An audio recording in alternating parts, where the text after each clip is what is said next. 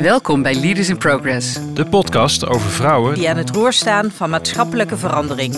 Wie zijn ze? Waar staan ze voor? En, waar, gaan ze voor? Ik ben Nadine Klokken, CEO van KNAP, de online bank die de financiële wereld van binnenuit vernieuwt. Ik ben Beate van Dongen-Krombachs, partner bij EY Consulting. Wij creëren een betere wereld door organisaties te helpen op een duurzame manier te transformeren. En ik ben Dave Jongenelen, medeoprichter van Buswomen. Dagelijks stellen wij vrouwen over de hele wereld in staat vooruitgang vorm te geven. Waarom deze podcast? We willen je inspireren Om aan het roer te gaan staan. Van je eigen bezieling. en maatschappelijke vernieuwing. Welkom bij Leaders in Progress. Goedemorgen. Wij zitten hier vandaag bij Better Meetings in Austerlitz voor een mooi gesprek met jou, Jorine Beks. Ja, goedemorgen. Ontzettend leuk dat jullie me hebben uitgenodigd. Ik heb helemaal zin in. Ja, nou, wij ook.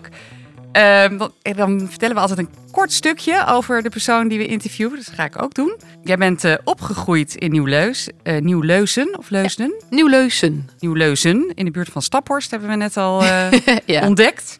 En eh, tegenwoordig woonachtig in Geldermalsen met Guus en Madelief. Ja. Je zoon en je dochter met heel veel guppen, een hond Knikker en geiten. En daar weet ik zelfs de naam ook nog van, Rosa en Rosie. ja. Dus ik ben benieuwd, maar daar komen we vast ook nog wel eh, bij. En eh, vanaf je studie bedrijfskunde in Rotterdam begeleid je organisaties in zelflerend vermogen en in een veilige werkomgeving creëren. Je hebt het boek Psycho- Psychologische Veiligheid geschreven. Je spreekt ook over dit thema op allerlei congressen. Je bent een vrouw op een missie om ervoor te zorgen dat alle medewerkers zich veiliger voelen. Want, en dan ga ik jou even quoten. eh, gelukkige, zelfverzekerde medewerkers creëren uiteindelijk organisaties met impact. Welkom, eh Jorien. Dankjewel. Wat een mooie intro. Ja, en eh, als eerste vraag, hoe zit jij erbij vandaag? Nou, met heel veel eh, energie eigenlijk ook wel. En heel veel zin ook hierin zit ik. En ook vol verwachting. En ik weet ook niet wat er komen gaat. Dus dat is wel grappig. Weet je, we hebben kennis gemaakt. En, en hoe het gesprek gaat lopen, gaat het lopen. Wat ik wel ook heb, ik reed hier vanochtend naartoe. En ik had hiervoor nog een andere afspraak, zakelijke afspraak. Waarvan ik dacht dat het een hele zakelijke afspraak zou worden. En kennelijk in de setting, de sfeer die hier heerst, eh, werd het in één keer toch een heel wat diepgaander gesprek dan ik van tevoren had gedacht. Dus ik ben erg benieuwd hoe we dat hier nu gaan eh, voortzetten. Ja. Ja, wat mooi. Ja, ik zag je inderdaad al hier eh, op de locatie zitten. Ehm, kun je iets, iets schetsen over, eh, zodat we je een beetje leren kennen, waar jij uit bent ontsproten, hoe jij bent Ja. opgegroeid? Waar komt jouw energie vandaan? Want, eh, we weten een beetje waar je nu vandaan komt in het land. Hè? Maar waar, waar komt jouw passie, jouw energie vandaan? Nou ja, ik heb sowieso altijd wel heel veel energie gehad. In die zin dat ik, eh, ik had elke dag het gekke uurtje, zoals mijn eh, moeder dat mij wel heeft verteld. En dan liet ze me maar even gaan. Dus dat is zeg maar qua bruisende energie, qua willen bewegen. Dus die zat er eigenlijk altijd wel in. Maar als je gaat kijken, de energie voor waar ik me voor in zit, zit er ook vanaf jongs af aan in. Eh, en zo weet ik ook dat het. Ik heb natuurlijk met mijn- moeder dan heb ik een hele sterke band mee ook over gehad. Dat ze ook wel zei: ja, ik was wel eens verbaasd wie je allemaal meenam vanuit de basisschool. Dat echt dat, hoezo? Hoezo neem je nou dit kindje dan mee? Of dit vriendinnetje of dit vriendje? En eh, dat deed ik dan. En dat vond ik, ja, dat vond ik fijn om er te zijn voor, die, voor het andere, andere kinderen, zeg maar. En met feestjes dacht ik daar ook over na. En in de klas was ik ook altijd heel erg bezig dat ik pesten niet begreep of dat iemand minder was. En dan maakte ik me ook druk over. Dus die energie zit er eigenlijk van kleins af aan al in. En ik denk ook, maar ik weet niet of dat helemaal terecht is om daar het aan vast te plakken.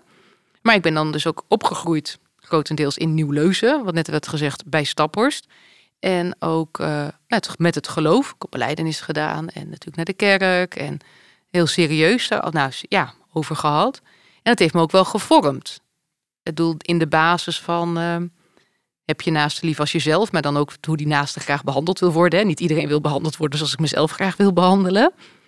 Maar ook ehm, dat talenten die je hebt, dat je die eh, zeg maar van God hebt gekregen. En het is ook aan jou wat je ermee doet. Maar het is geen reden om even van de daken te schreeuwen: kijk mij eens slim zijn. Of hè, is, je bent gewoon mens.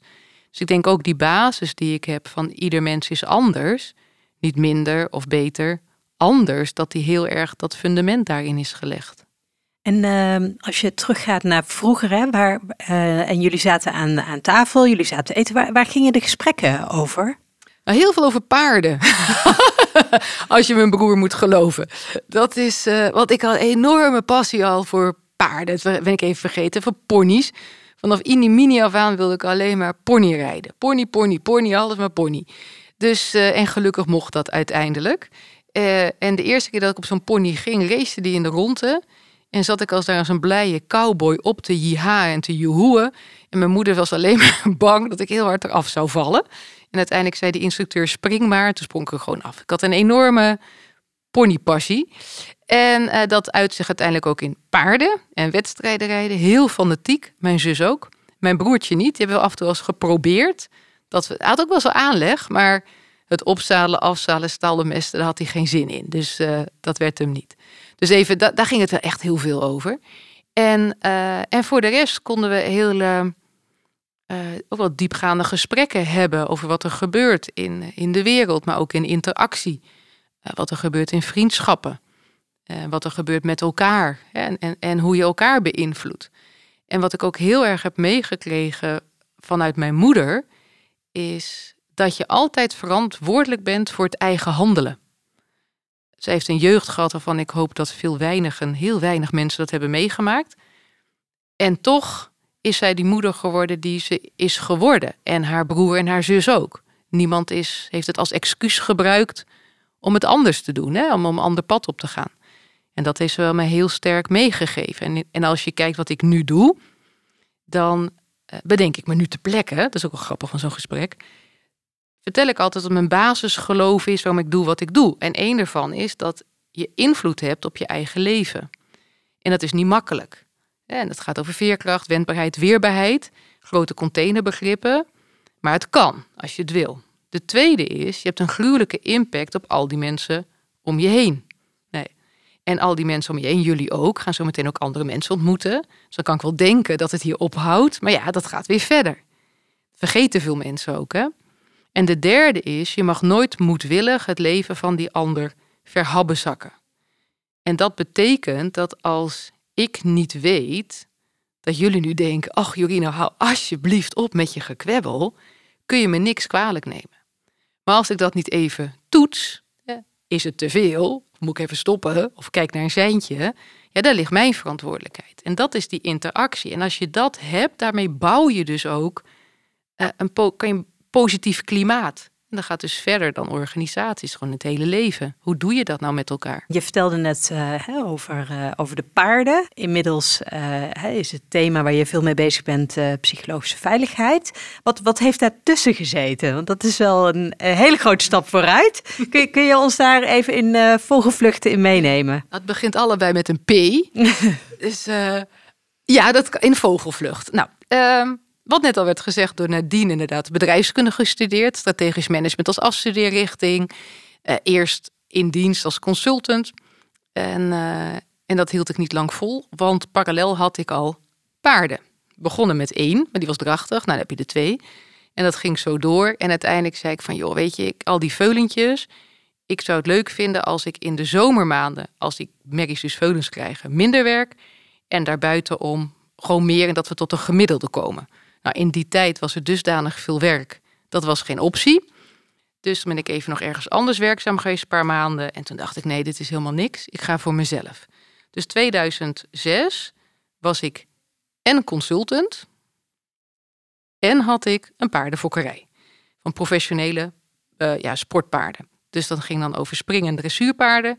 En die verkocht ik over de hele wereld met zeg maar een DHL-sticker erop. En daar gingen ze. En dan vond ik hartstikke een mooie balans. Nou, en als ik dan consultant was, dan had ik natuurlijk wel mensen in dienst. Want die paarden wilden ook, als ik er niet was, eten. Hè? Of dan wilden ze ook wel eens naar buiten. En zo organiseerde ik dat. Dat paardenbedrijf was een erkend leerbedrijf. En dat was echt de drijfveer dat ik dacht, dan kan ik wat terugdoen, teruggeven aan de maatschappij. En ik vond het ook een win-win. Dat zei ik ook tegen medewerkers, zet je elke vierkante meter die een stagiaire veegt, hoef jij niet te doen. Want een uh, erkend leerbedrijf, kun je daar iets meer over vertellen wat, uh, wat dat is? Jazeker. Eh, als je in Nederland, dat is voor het MBO en het VMBO, met name het MBO. Als je diploma wil halen, moet je stage lopen. Voor het HBO en WO kun je gewoon stage gaan lopen. Maar als MBO'er moet je bij een erkend leerbedrijf, die is aangesloten bij SBB, dus een organisatie die valt natuurlijk weer onder het ministerie dan ook, die ook gaat kijken, is dat bedrijf in staat om die jongeren te begeleiden naar een diploma. Dus hebben ze daar vaardigheden, dan kun je ook trainingen krijgen, et cetera. En uh, door dat paardenfokkerij, paardenbedrijf, was met name dierverzorging en paardenhouderij. Die jongeren, die studenten, die konden dan bij ons stage lopen. En ik was toen al heel erg bezig van het is tuurlijk leren. Hè, en het is heen en weer win-win. Maar het mag ook wel een beetje leuk zijn. Dus wij ook al bezig met hoe wanneer is het nou leuk samen. Hè, waar we al zaken en uh, waar ik wel aandacht aan besteden. En zo hobbelden we gewoon vrolijk voort als erkend leerbedrijf met stagiaires en veel plezier. En toen werd ik in 2008 gebeld door een mevrouw uit het ROC uit de buurt. En die zei, ja, er is hier een meisje en uh, ja, ze is niet in staat emotioneel om naar school te gaan, maar ze is wel leerplichtig. Wil je er wat mee? Kan je er wat mee? Nou, twee heel wezenlijk verschillende vragen. Want willen, dat was het euvel niet. En daar zat ook wel mijn energie op. Maar het kunnen, had ik mijn twijfels bij. Want ja, bedrijfskunde gestudeerd. Maar ja, wat net werd gezegd door, door Nadine, ik begeleide organisaties naar zelflerend vermogen. En wat me altijd wel intrigeerde is, hoe krijg je mensen aan? Weet je, hoe, wat gebeurt er nou? Of hoe krijgen mensen elkaar aan? En niet alleen door mij. Wat is dat nou? Dan had je een organisatie, een afdeling, naar een team toe. En als je erheen loopt, dan is het al leuk. Misschien herkennen jullie dat ook wel, dat je energie krijgt.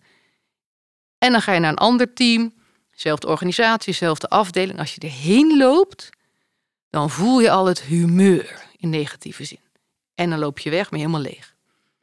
Uh, dus ik dacht, nou weet je, welkom is ze. En zo kwam die eerste stagiaire dan bij mij stage lopen. En wat dat meisje heeft gedaan, ik zal even sneller gaan in mijn hele, want ik er heel veel over vertellen uiteraard. Wat zij heeft gedaan is olie gegooid op een vuurtje wat al in me zat.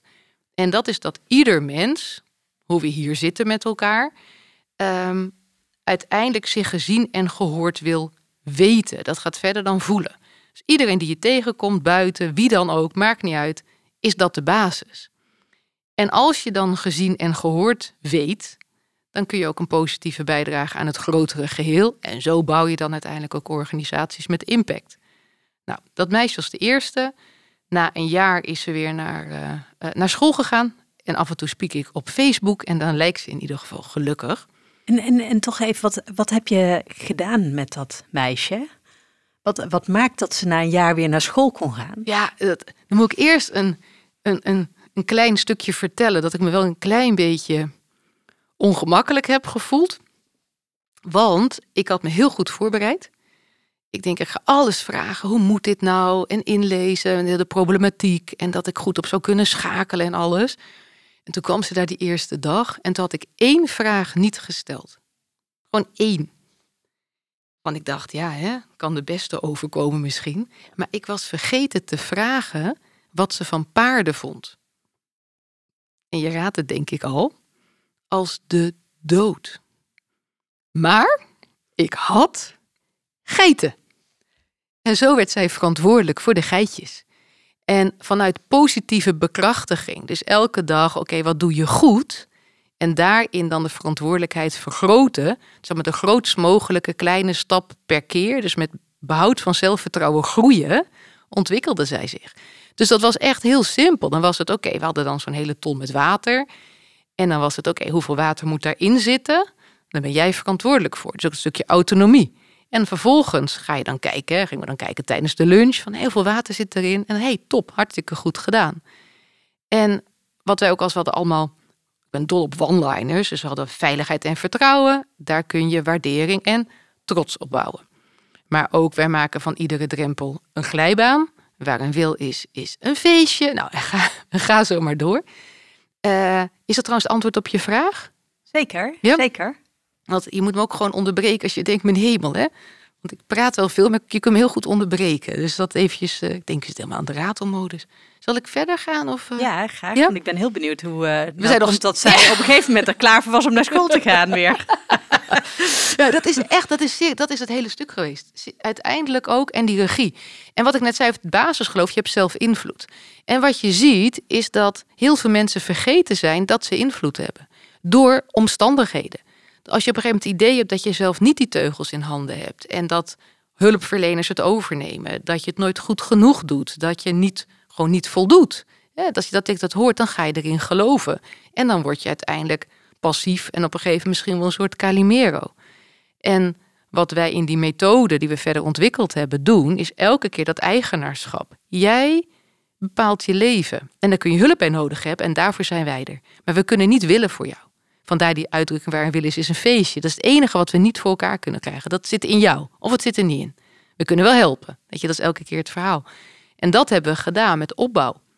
Dus vanuit zelfregie, wat kan ik wel, wat kan ik niet? En daarin dan het positieve bekrachtigen, bevestigen en groter maken. Dus uiteindelijk dat zelfvertrouwen. Ja, en als je zelfvertrouwen hebt, en dat weet je zelf natuurlijk ook, dan, ja, dan is het in één keer alsof je in flow bent. Dan kan je, denk je, dan, dan lukken dingen. Wat ik me zit af te vragen, ehm, want dit, dit, dit gaat heel erg over eh, dus iemand positief eh, bevestigen, eh, een stuk autonomie geven, die eigen wil, het bewustzijn daarop maken, ehm, in een hele positieve context. Hoe ga je in, die, in dit soort trajecten om dan met negativiteit? Ja, dus het, het klinkt nu een beetje alsof de negativiteit, hè, of de, het, het commentaar, de dingen die niet goed gaan, helemaal uit dat vocabulaire, uit dat spectrum zijn. Is dat zo? Nee, want die zijn er, is er gewoon. Weet je, doel, je kunt wel het net doen alsof de wereld één grote positieve JPA-jojo is.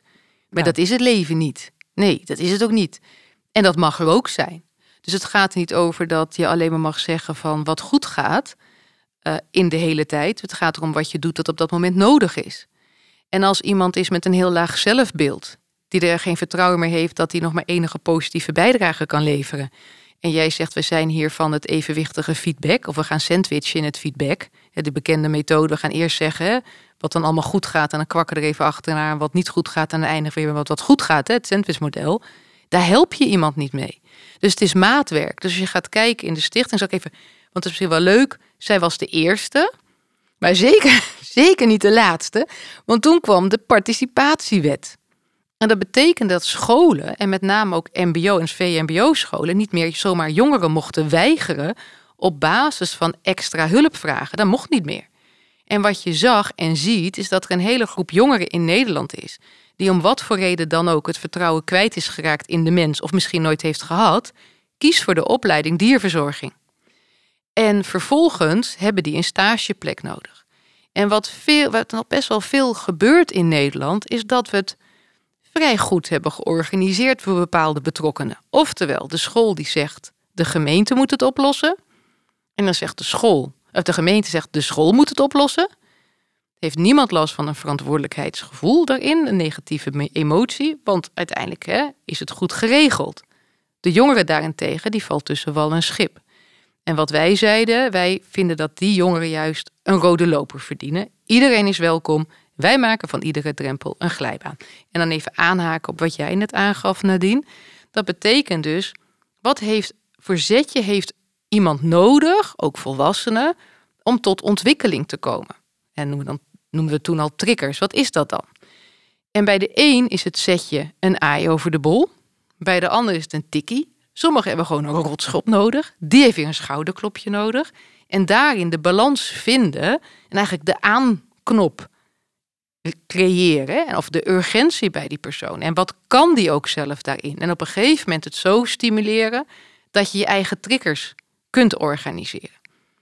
En zit daar dan eh, niet af en toe een spanningsveld tussen ehm, dat, dat je iemand dat zetje geeft versus eh, het feit dat iemand zich veilig voelt? En dat is inderdaad het maatwerk. Dus wat je ziet is dat ehm, door die participatiewet kwamen er steeds meer jongeren. Dus uiteindelijk hadden we de 8 tot 12 op een dag.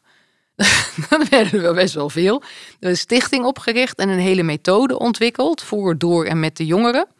Waarin dat echt bespreekbaar werd gemaakt, wat je zegt. Dus dat is, we, hadden, we hebben nog steeds een dagstart en een dagafsluiting. Daarin bespreekt het team wat er dan is. En dat is best een organisch of fluïde team. Is elke keer anders. Het is nooit dezelfde samenstelling. Ook gedurende de dag verandert de samenstelling. Want niet iedere jongere is er op hetzelfde moment uh, aanwezig. Of niet de hele tijd heel de dag. En wat ze dan doen is, wat is het doel van de dag? Wat willen wij als team leren, vakinhoudelijk? Wat willen wij als team ontwikkelen qua samenwerken? En elke jongere heeft ook wat wil ik ontwikkelen vakinhoudelijk. En wat heb ik te ontwikkelen qua samenwerken. En elke dag is er dan ook een 10 minuten gesprek over. Oké, hoe gaat die ontwikkeling nou? Aan het eind van de dag wordt erop gereflecteerd. Dan geeft een jongere, hebben ze zelf bedacht. Toen ik het zag, schrok met lablazers. Maar ze wilde het zelf. Geeft zichzelf een cijfer. Voor hun toegevoegde waarde van die dag. En de een geeft zichzelf een 9 en de ander geeft zichzelf een 5. En dan reageert de rest ook op van oké, is die 9 terecht of niet? En andersom net zo goed. En dat zijn dus hele eerlijke gesprekken, maar wel respectvol. Dus als je kijkt uh, naar de basisregels, de bekende, die je natuurlijk heel veel organisaties hoort van niet invullen voor een ander, niet praten over, maar praten met, et cetera, hebben wij ook de vier R'en. Dat is respect voor de mens. Niet alleen voor die mens, de ander, maar ook respect voor jezelf. Ieder mens heeft een vlekje, de een meer, de ander minder. Nou en. De een kan er makkelijker mee omgaan, de ander minder makkelijk. Nou en. Ieder mens is anders, niet minder, niet beter. Anders zit er helemaal in. Dan is de tweede respect voor de dieren. Ieder dier is ook anders. Dan is het respect voor de omgeving. Wat heb jij nodig, de ander nodig en hoe doen we dat samen? En de laatste is het iedere dag, en ik kan de R niet uitspreken, maar er staan heel veel R achter elkaar. Reuze leuk maken. En daarin wordt het ook weer geoefend. Want als we het met elkaar iedere dag reuze leuk moeten hebben, dan moet ik weten van jou, van de ander, van elkaar, wat reuze leuk is. En dat betekent ook dat als ik heel erg graag flesjesvoetbal wil gaan doen, en dat je zegt van ja, wacht eens even, dat vind ik helemaal niet leuk, en ik vraag wat vind jij leuk en je zegt kaarten. En ik zeg nou weet je, dan gaan we toch morgen kaarten. Ja, dan klopt die niet. Dus hoe doe je dat met elkaar? En daarin elke keer faciliteren dat je komt, eigenlijk kom je dat elke keer tot inclusie met behoud van verschil. Hè? Dat is natuurlijk het idee, zoek naar de gemene delen met behoud van verschil. Dat is dan die inclusiviteit. En daar zit wel die spanning in van wat kan wel, wat kan niet. En er zit ook missers in. Want dan kom je achter als je doet. En daarop moet je weer bespreekbaar maken. En uh, ditgene wat jij nu uh, vertelt over het leerbedrijf, um, is dat vergelijkbaar met uh, hoe je psychologische veiligheid ook in het bedrijfsleven toepast? Ja, we zijn allemaal mensen. We willen allemaal hetzelfde. En daar ben ik toevallig achter gekomen. Want 2006 was ik dan erkend leerbedrijf, 2008 dat meisje, die eerste. En hele methode. En in 2019 werden we finalist van beste leerbedrijf van Nederland. Dat is natuurlijk hartstikke leuk, heel proces, één groot feestje, superleuk. En dan komt de jury. En uh, nou, daar kwam een jurylid en die had zo, ik heb niks tegen Mercedes'en, ook niet tegen witte Mercedes'en, ook niet tegen witte cabrio Mercedes'en. Die had hij dus, kwam dit erf opgereden. En uh, in mijn beleving kwam er eerst ego uit, er kwam er nog meer ego uit. En uiteindelijk kwam die meneer eruit. En binnen een paar minuten wist ik alles van hem. Hij was ex-adviseur der Staten-Generaal op Veiligheid. En ehm, zoals je wel merkt, vond ik hem niet direct, ik had niet direct een hele warme klik. En volgens mij vond hij mij ook, ik heb het niet echt rechtstreeks gevraagd, maar ik denk wel dat hij mij een beetje wollig type vond daar hè, op die paardenboerderij. Maar als hij er niet was geweest, had ik hier nooit gezeten. Want hij bleef maar vragen, wat doe jij hier? Hoe komt het dat deze jongeren tot ontwikkeling komen? En dat waren dan jongeren, volgens mij eens verteld, dacht ik. Met bijvoorbeeld ouders in gevangenis, zelfmoordpogingen, um, even kijken, PTSS vanwege kindermishandeling. Natuurlijk ook de kindbeschermer uit huis gehaald, plegen in, plegen uit. Maar ook alle mogelijke afkortingen waar ik nog nooit van had gehoord. Ik had een enorm beeld van autisme, dacht ik. Ja, ik dacht toen aan Rainman. Maar dat is helemaal niet waar. Dat is een van de vele vormen, zeg maar. Er is ook heel veel over geleerd. En hij zei, hoe komen die jongeren hier tot ontwikkeling? Nou, zoals je vermoedt, denk ik, kan ik aardig praten. Dus uitleggen, de jongeren toelichten naar dat bord. We hadden meetinstrumenten, hebben we nog steeds ook voor in klassen om te meten en te helpen, coachinstrument, et cetera. Maar ik kon het niet duiden. En ik werd zo gruwelijk gefrustreerd, want ik dacht, ik wil het verder brengen. En als ik niet kan duiden waarom het werkt, dan komt het natuurlijk nooit verder. En daardoor denk ik dat ik onbewust anders ben gaan kijken. En drie weken daarna, geen idee waarom, echt totaal kan niet terughalen of zo. Dat ik denk, ja, toen deed ik dat dus. En daarom liep ik aan tegen het boek van die Harvard-professor Amy Edmondson. The Fearless Organization, de onbevreesde organisatie. En toen las ik voor het eerst de term psychologische veiligheid. En toen wist ik het, waarom het hier werkt op stal, is die psychologische veiligheid. En omdat ik parallel binnen gewone organisaties consultant was, en ik daar deed wat ik allemaal had geleerd op stal, wist ik, daar werkt het ook. Dit is gewoon algemeen. Ieder mens heeft behoefte aan die psychologische veiligheid. En als je dat hebt, dus een middel, kun je als team, als mens, organisatie swingend doelen bereiken. Het heeft een hele positieve, positief effect. En ehm, als we dan kijken naar uh, organisaties, uh, die zijn over het algemeen niet op stal. Ehm, wat, wat doe je daar dan? Ehm, uh, dus, dus een organisatie nodigt je uit en geeft aan dat er iets moet gebeuren op het gebied van veiligheid. Of ik weet niet wat voor vragen je daarin krijgt. Kun je er iets meer over vertellen? Jazeker. Kijk, um, ik zat dan op mijn paardenbedrijf, lekker geïsoleerd, zeg maar, in Etteleur. En ondertussen had je nog een hele grote wereld omheen, waar we allemaal zitten. Wat je ziet, is dat die wereld behoorlijk is veranderd. Uh, VUCA World, of hoe je het maar allemaal wil noemen. Het gaat steeds sneller. En ik heb zelfs op nu.nl gelezen dat de wereld anderhalf seconde of zo sneller was gaan draaien. Ik heb niet echt gevoeld hoor, maar uh, het wordt steeds onzekerder ook. Um, de oorlog in de Oekraïne, weet je, wat heeft dat voor effect? Uh, Covid, weet je, allemaal zaken die gaan heel anders. Tweede is dat organisaties zijn veranderd. Vroeger had je never change a winning team. En dan zat je misschien 12 jaar, 14 jaar, 20 jaar in hetzelfde team. En dan maar hopen dat het leuk was. Hè? Nu zit je gemiddeld uit onderzoek in Nederland in acht verschillende teams. Een pop-up team, een verbeterd team, een multidisciplinair team, weet ik wat voor teams allemaal. En elke keer zit, en die teams zitten in die steeds sneller draaiende wereld. Uh, en je moet direct scoren, want er is geen tijd. Weet je, ik las er nu ook weer al die burn-outs en weet ik wat allemaal van werkdruk, uh, mensentekort, et cetera. En dan zijn wij ook nog als mens veranderd. We hebben steeds meer behoefte aan en autonomie, Wanneer wil ik werken? Hoe wil ik werken? Ook hybride werken. Hallo, waarom kan ik niet inloggen op Bali? Hè? Ik wil eerst naar de sportschool. Daar dacht ik vroeger echt niet over na. Ik zat gewoon heel keurig om acht uur uh, op kantoor achter mijn laptop, uh, computer zat ik dan. En, uh, en dan ook heel erg behoefte wel aan verbinding, maar maatwerk. En dan de kennis. Hè? Dat is de verandering. Dat betekent dat er dus veel meer andere type vragen zijn bij organisaties. Daarom vertel ik dat, waarom ik voor word uitgenodigd al eerder vanuit, ja, weet je, hoe krijgen we nou van de ingrediënten van een high performance team een high performance team? En dan is psychologische veiligheid het middel om dat voor elkaar te krijgen. Een andere reden waarom ik nu heel veel word gevraagd, is wat, is wat vanuit de minder positieve drive. Je hebt allicht iets gehoord over de Voice, over Ajax. Weet je, dat grensoverschrijdend gedrag. En, um, en dan zegt ze, joh, weet je, als het daar gebeurt, zal hier ook wel gebeuren. We hebben wel geen meldingen, maar inmiddels kunnen we daar niet meer op vertrouwen. Het wil niet zeggen als we niks horen dat er niks aan de hand is. Nee, je kunt natuurlijk donder op zeggen, er is overal wat. En, en daar word ik dan ook voor gevraagd. Nou, wat ik dan doe, heel veel, is dat ik eerst gastspreker ben. Uh, of met de top zoveel van leiderschap. Of uh, met de board, weet je, een, een sessie op bewustwording. En waar ik dan met name mee begin, is het bewust worden van het feit dat ieder mens heeft meegemaakt dat je psychologisch onveilig voelt. Want daar verbind je op wat ik veel meemaak is toch een tikkie masculien leiderschap of masculien types. Die dan eerst beginnen, joh, maar als je vindt wat je, wat, je, wat je vindt, dan zeg je het gewoon. Moet je ook niet zo moeilijk doen, of je moet niet zo mietje, of vanaf zo'n termen allemaal niet voorbij komen.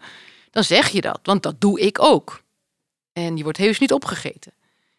En ja, dat is hartstikke mooi. Heel fijn dat jij durft te zeggen wat jij vindt. Hoe help je een ander om te zeggen wat jij vindt? En dan kun je helpen door te komen op dezelfde emotie. Want op emotie verbind je, dat is herkenning.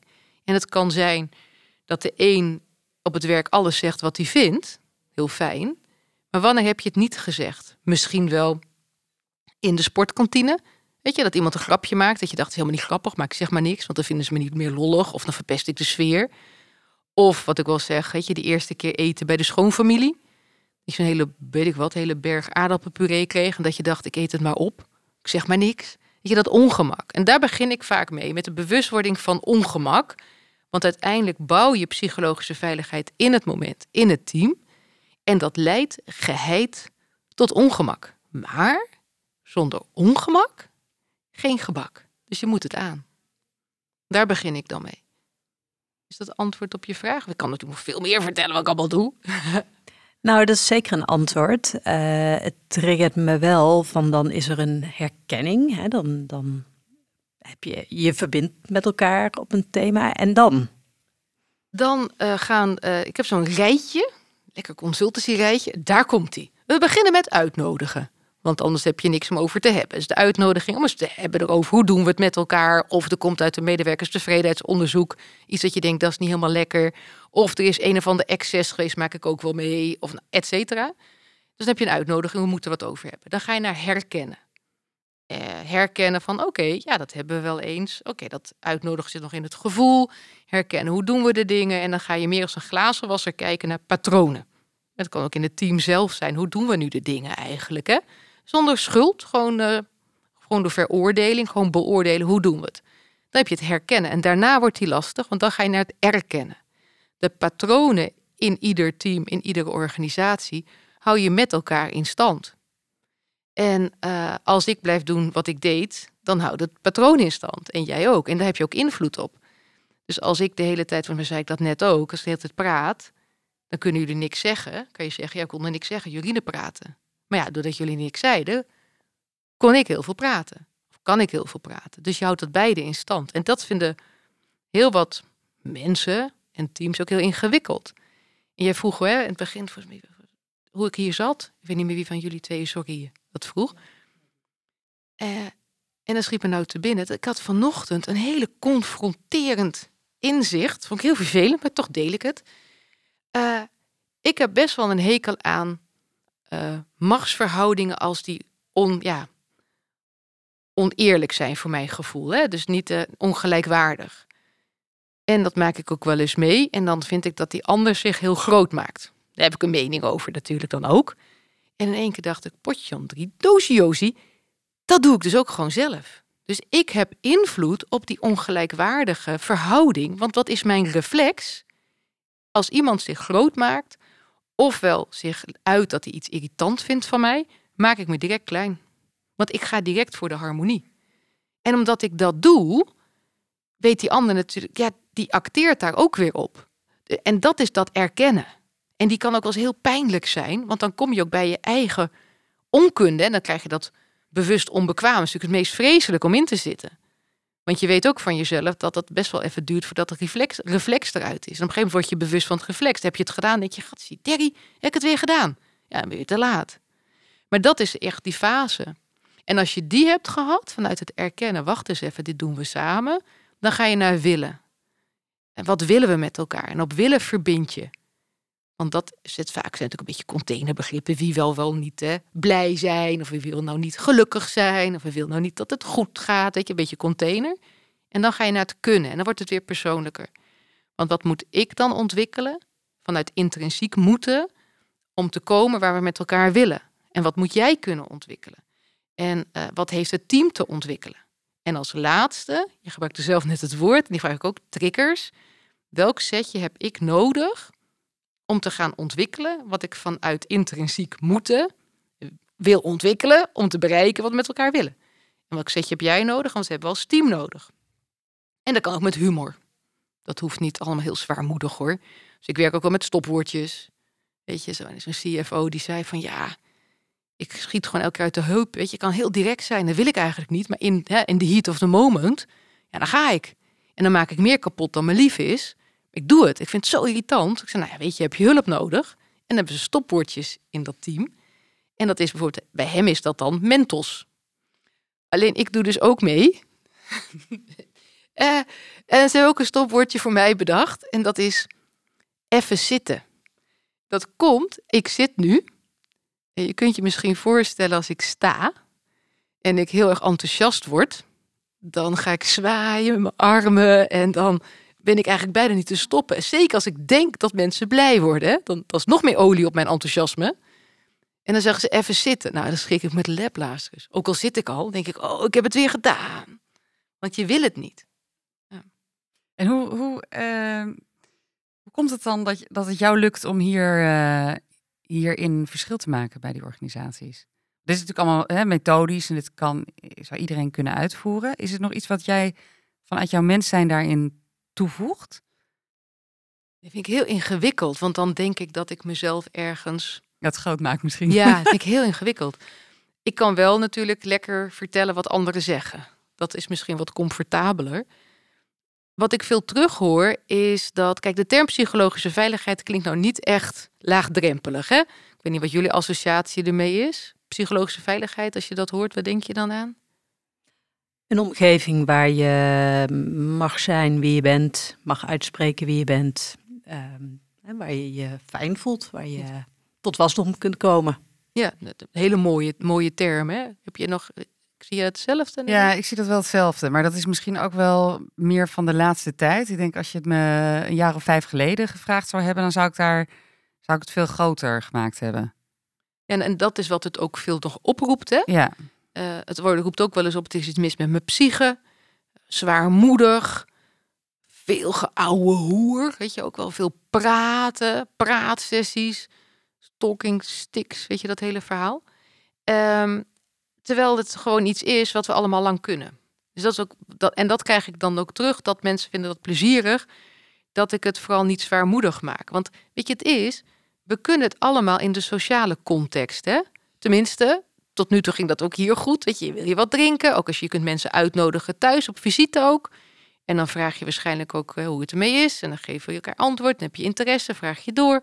Vraag je je wat drinken? En dan zegt diegene ik wil koffie. En dan krijgt hij koffie, weet je zo. Het is niet zo dat als je iemand op visite krijgt, dat je vraagt hoe is het? En vervolgens begint diegene te praten en dan ga je even naar de wc. Dan vraag je wat wil je drinken? En dan zegt degene koffie. En dan zeg je je krijgt geen koffie, je krijgt thee. En by the way, nu ga ik naar de Albert Heijn. Weet je, dat doen we niet in de sociale context. Het gekke is, in de business context raken we het gewoon even kwijt. En dat vind ik, en als je dat gaat zien, eigenlijk, hè, dan, dan, dan is het in één keer ook ergens, krijgt het een luchtigheid. Je begint voor de meeting aan, vraag je aan elkaar hoe het is. Misschien na het weekend vraag je ook nog hoe het weekend was. Of je weet dat een kind een examen heeft, weet je, bepaalde betrokkenheid. Dan begint die meeting en is allemaal weg. Er zitten mensen in hun hoofd. Dan worden de meningen op tafel gegooid. Ik doe het even heel gechargeerd. En dan is de meeting voorbij. En dan is het misschien wel, goh, oké, okay, ga je vanavond, oh, dit, dat, zus. En dan hebben we weer die social talk. Dus hoe krijg je het nou voor elkaar dat je die verbinding houdt ook gedurende de inhoud. En, daar, daar, en als je die methode, wat ik net zei met die jongeren, dat gaat over inhoud en gedrag. En dat doet precies hetzelfde in organisaties. Dus we isoleren niet gedrag van de inhoud door praatsessies te houden op de hei, daar leuke dingen met elkaar af te spreken en dan gaan we weer aan het werk. Nee, het wordt vastgeplakt aan de inhoud. Dus ik zit ook heel veel juist in de meeting zelf om ook even te zeggen, hey, even time-out, wat gebeurt hier? Vinden we dit oké, niet oké? Het is echt toetsen met opties om eigenaarschap weer in het team te krijgen. Want wie ben ik om iets te vinden? Want het is ook heel persoonlijk, hè, psychologische veiligheid. Wat voor mij veilig is, kan voor jou niet veilig zijn en vice versa. Dus daar heb je dat even dat toetsen voor nodig. Is het zo, uh, naar jouw idee, dat als je in een situatie zit met veel psychologische veiligheid, dat je eigenlijk minder moedige besluiten hoeft te nemen of minder moedig hoeft te zijn. Nou ja, waar lef, lef hoeft te tonen. Misschien een. Nou, dat vind ik heel interessant. Dat, dat wordt wel eens gezegd. Kijk, in een situatie waar psychologische veiligheid aanwezig is, is lef logisch. Het is juist logisch om te zeggen wat je vindt, maar het is een heel groot gevaar. Hè? Want op het moment, dat zie je ook in heel de ontwikkeling, als je gaat kijken naar teamontwikkeling, die theorieën, we zitten bij psychologische veiligheid ook. Als we ons heel veilig voelen bij elkaar, familieculturen zie je het ook trouwens, dan is het juist heel ingewikkeld om een afwijkende mening te geven. Hè? Dat is moeilijk, want ja, dan verpest je misschien wel de gezellige sfeer. Dus het is, dat is juist niet aan de hand. Dus als je teams hebt met heel veel hoge maat van psychologische veiligheid, dat, is, dat zijn teams met veel energie, die echt het verschil willen maken, die elkaar uitdagen, die ook de status quo durven uit te dagen. Nou, daar moet je wel lef voor hebben. Die ook willen leveren. Iedereen deelt meningen, ideeën. Ook als je denkt, ik weet niet wat het wordt, je gooit hem op tafel. Is weer ook toch wel altijd een klein beetje lef voor nodig. En je hoort erbij met elkaar. Dus je bent ook daarin in, in bezig. Dus echt hard werken. Verre van knuffelen. En zit weer een ander gevaar aan. Dus ofwel je schiet door vanuit uh, meer dat high performance, waarbij je echt doorschiet in wat hebben we toch leuk met elkaar. En dat gaan teams ook wel tegen elkaar wel zeggen. We zien herkennen zo'n team zijn, nou, we hebben het heel leuk. Wij zijn toch een leuk team, wat hebben we leuk met elkaar. En dan kun je eens afzakken naar meer hangachtige teams die gaan hangen in het leuk voelen. En andere kant kan het ook schieten naar, moest kijken hoe wij het verschil maken. Kijk eens knallen, wij maken zoveel uren en hop, we gaan ervoor, zie ons loyaal zijn, bam, bam, bam. Ja, en dan kun je doorschieten naar bijna een raceteam. Waarbij je elkaar eigenlijk overvraagt. En heel de zorgzaamheid voor elkaars energieniveau of werken, de balans daarachter, gewoon uit het oog verliest. En is dat dan eigenlijk een continue dialoog die je met elkaar zou moeten voeren? Hè, tussen enerzijds uh, wel het uh, veilige en vertrouwen en anderzijds het resultaat wat je met elkaar wil bereiken? het, het, het, houdt nooit op. Dat is het leuke natuurlijk. Dus ik ben nooit klaar. Niemand is klaar. Nee, het is elke keer. Je hebt, je hebt eigenlijk onderhoud. Het is, het is soort, bijna een soort team APK. Dat je scherp erop blijft. Um, wat je ook wel eens meemaakt, is dan dat je zo'n rondje doet. Wat vind, jij ervan? wat vind jij ervan? En dan geef je iedereen het woord. Denk je, oh, iedereen heeft het woord gekregen. De eerste zegt, ik ben het mee eens. De ander zegt, ik sluit me aan. Die sluit zich aan. En in die end heb je dan maar één mening gehoord. En dan is het juist de uitdaging om te zorgen dat er veel meer meningen ontstaan. Dus hoe doe je dat? Dus eigenlijk wil je in een team waar die psychologische veiligheid hoog is, het niet in één keer met elkaar eens zijn. Je wil elkaar scherp houden, maar wat nu als? En dan zie je dus ook, en dat vind ik heel leuk, ik zie er enorm naar uit, naar het nieuwe boek van die Harvard-professor Amy Edmondson. Die komt september volgend jaar uit. En dat is The Kind, the, sorry, The Right Kind of Wrong. Dus hoe maak je, hoe zorg je ervoor dat je wel gaat experimenteren en dat je niet een pilot doet in een setting die succesvol zal zijn, waardoor je denkt dat het succesvol is en je gaat investeren in een idee die nooit succesvol kan worden. Wie durft, en zeker ook het kindje van de CEO, hè, uh, kritisch toe te spreken of dood te maken? Heel naar vergelijkt wil ik het zeggen, maar oké. Ik hoop niet dat iemand daar beelden bij heeft. Ja, nu wel. dus zeggen, terwijl ik het zeg, denk ik, dat moet je dus niet doen. Ja, nee. Joh. nee. Maar uh, ja, natuurlijk, is ook zo. Hè? Het, het, het maakt denk ik uh, uiteindelijk de keuzes rijker. Als je op zijn minst die assessment uh, hebt gedaan en alle, alles gehoord hebt. Ik zat me af te vragen in een hele onveilige of, of onveilige omgeving of een omgeving zonder psychologische veiligheid. of of er dan op een andere reden, dus misschien kom je wel op hetzelfde punt uit, niet wordt uitgesproken wat er gevonden wordt. Omdat mensen bang zijn voor ja, consequenties of betekenis daarvan. Er zijn natuurlijk verschillende redenen waarom je niet zegt wat je vindt. Kijk, niemand die gaat naar zijn werk met het idee: ik ga naar mijn werk en dan hoop ik dat ik heel erg voor paal sta. En dat ze me dom vinden. En dat ze me raar vinden. En dat ik er niet bij hoor. En dat zij gaan lunchen zonder mij erbij. Dus je wil eigenlijk heel graag dat mensen je slim vinden, dat je werk goed kan, uh, dat je gezien wordt. Dus het is heel lastig, het is bijna een soort imago gedreven ook. Hè? Um, en dat kan ertoe leiden dat je graag bij de groep wil horen. En als er dan die psychologische veiligheid, men zegt dat het er is, dat je nog meer je best gaat doen om bij de groep te horen. Waardoor je dus niet meer zegt wat je vindt. Een andere kant is meer de toxische kant ook.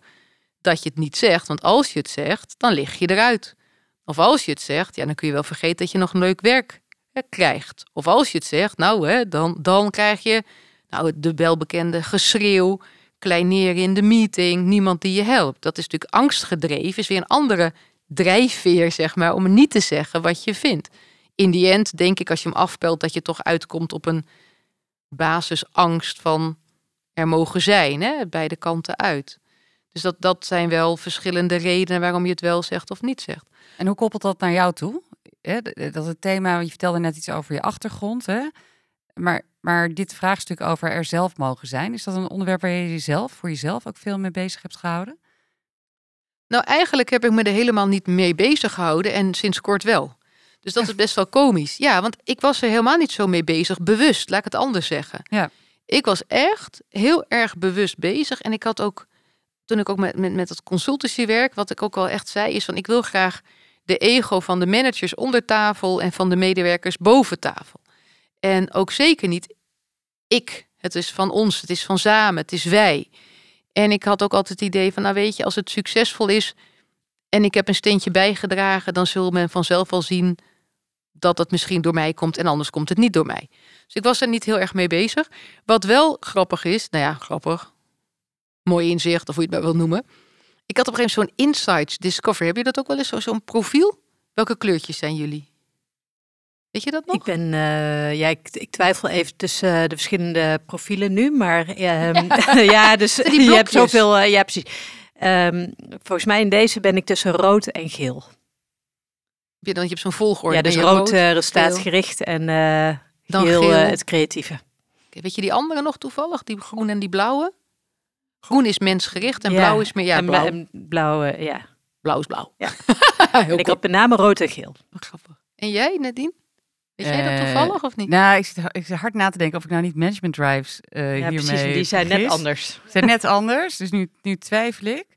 Maar bij mij was het volgens mij oranje, blauw en daarna groen. En dat was een beetje groen-geel. Ik vermoed ook wel dat je een beetje, een beetje... Denk je ook niet dat ze een beetje rood heeft? Ik Ja, zelf. maar die zat er, ach, die zat er, eh, die kwam pas als derde zo'n beetje bij mij langs. Ja, het zal, ja, zit er zeker in. Ja, nee, maar wat, wat ik grappig als je naar kijkt. Voor mij was het. Ja. Ik had dus geel. Nou, dat is weer niet zo verbazingwekkend, denk ik. Want dat is open, weet je wel. En, Ja. en, en een drive, et cetera. En rood. Dus ik was volgens mij een inspirerend visionair. Klinkt natuurlijk hartstikke cool. Maar het meest vervelende vond ik dat ik daarna blauw was en daarna pas groen. En groen is mensgericht. En ik stond dus elke keer op die barricade voor die jongeren. En heb boem en overal de blaar op mijn tong. En je mag zijn wie je bent. Wat is het toch fijn om jezelf te mogen zijn. Ook zo'n slogan, dat je allemaal mee bezig. En ik denk, hoe kan het toch? Hallo, waarom ben ik niet groen? Maar dat was ik dus niet. Een paar jaar later nog een keer gedaan. Ik dacht, ja, weet je, eh, nog steeds. Helemaal niet groen. En tot het Kijk, een oranje profiel zou het dan gewoon sociaal winstelijk invullen. Ja. Dan krijg je er wel groen uit. Maar dat, dat gaat dus niet, hè? Die insights, dat is super mooi. En eh, tot het iemand mij toelichtte dat ook oranje mensen, of eh, ja, zeg ik nou, wat zeg ik nou goed? Groen, ja, natuurlijk oranje was het. Ik ga nog twijfelen aan die kleurtjes, want die kleurtjes door elkaar. Dat die ook heel erg wel mensgericht zijn, maar daarbij meer het voortouw nemen. Dus meer de inspiratie en, en de energie brengen, maar wel qua mensgericht. En dat groene mensen meer bezig zijn met er niet zijn. Dus veel zie je dat in de zorgberoepen, dat groen heel hoog is. Ehm, nou, dat wist ik dan. Toen kon ik daarmee leven. Dacht ik, oké, ik heb geaccepteerd dat ik niet groen was. En pas sinds kort dat ik bezig ben van, oké, maar waarom is dat thema nou zo groot? Ik denk dat ik heel lang gewoon het heb eh, afgeleid. Dus dan zijn ze met, ja, waar ben je met het thema bezig? Nou, weet je, ik heb een leuke jeugd gehad. Want de dag dat daar iets mis was gegaan. Ik zei, nou, nee, niet echt iets misgegaan. Nee, nee, niet echt, nee. Dus dat is geen reden. Ja, maar waarom doe je dat dan? Dat ik nooit kon bedenken. En nu denk ik wel, als ik kijk naar mijn gevoel voor onrecht. Ik vind onrecht gecombineerd met geen invloed, drama. En dan word ik echt ontiegelijk. Nou, laat ik het zo zeggen, krijg ik heel veel adrenaline. En de, de barricade op. Dus ook zaken als ehm, onrecht wat betreft eh, eh, ja, inclusie, diversiteit, inclusie. Ehm, de wel of geen kans krijgen, ook zeker als minderheid. Eh, meemaken dat eh, jouw project als vrouw een projectje is. Een project van de man een project. Je, zulke soort dingen die mij ook wel hebben geraakt. Dan komt heel erg naar boven. Dus als je dan nu terugkijkt van waarom is dat thema van belang en wat je aangeeft, hè, dat gezien worden, je gezien en gehoord weten. Ik denk als ik heel eerlijk ben, dat het toch wel een beetje in mij zit. Dat ik dat toch wel, ja, ook een thema is. We zijn alweer eh door de tijd eh, heen. Zijn er, Serieus? ja, Dan gaat het snel. ja. Ik ben net op dreef. Nee, snap je? Zijn er, eh, zijn er dingen die wij helemaal niet geraakt hebben, waarvan je zegt, daar had ik nog echt over willen vertellen op dit thema? Ehm, moet ik even nadenken. Heel veel. Ehm. nou ja, weet je wat ik, ehm, wat ik leuk zou vinden, is als mensen dit hebben geluisterd, dat ze zelf ook eens gaan denken: wat zijn nou zaken waar ik tegenaan loop en hoe kan ik dat zelf beïnvloeden? Want het positieve is dat je, je bouwt psychologische veiligheid niet tussen de soep en de aardappelen. Niet als je er één keer over leest, niet als je erover praat. Je moet aan de slag, hè, actief. Maar in iedere interactie kun je al een positief verschil maken. En wat is dat ene dingetje wat je eigenlijk direct anders kan doen? Waardoor die ander zich gezien en gehoord weet.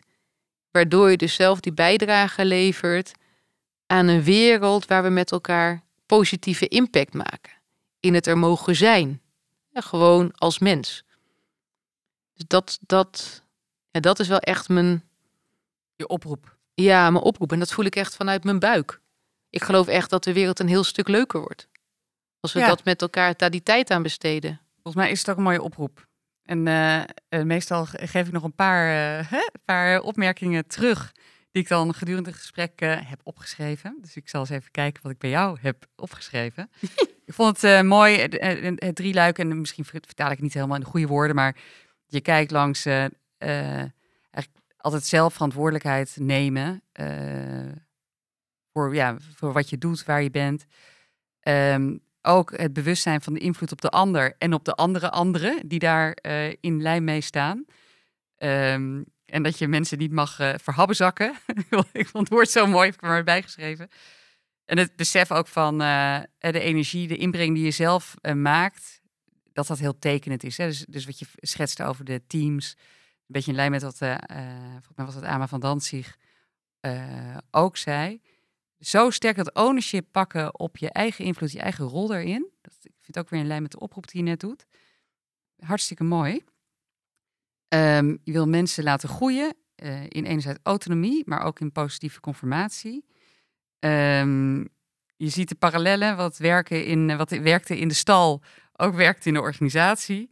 Want uiteindelijk de essentie is dat ieder mens behoefte heeft aan eh, de, de psychologische veiligheid om te kunnen om te kunnen groeien en te ontwikkelen. Ehm, de hele tijd het leren, de behoefte om daarin te verbeteren, ook voor jezelf. Dus ook die reflectie naar jezelf toepakken. Eh, en dan ter afsluiting eigenlijk het, het onrecht zonder invloed als grote vonk op eh, de energie dan, die af en toe kan ontstaan, is denk ik ja, wat jou dan tekent in je drive en misschien in de basis van de energie waarvan waaruit je alles doet. Ik wil je ontzettend bedanken voor je tijd en je toelichting. Prachtig thema.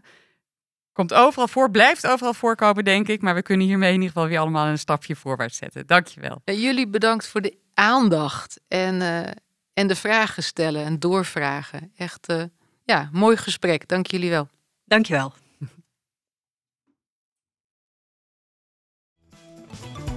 Dankjewel voor het luisteren naar deze aflevering van Leaders in Progress. We hopen dat je ervan genoten hebt en er volgende keer weer bij bent wanneer we een nieuwe gast aan tafel hebben. Ben jij geïnspireerd en zou je ook willen werken aan vooruitgang? Dat kan. Ga nu naar www.leadersinprogress.nl en kom in actie.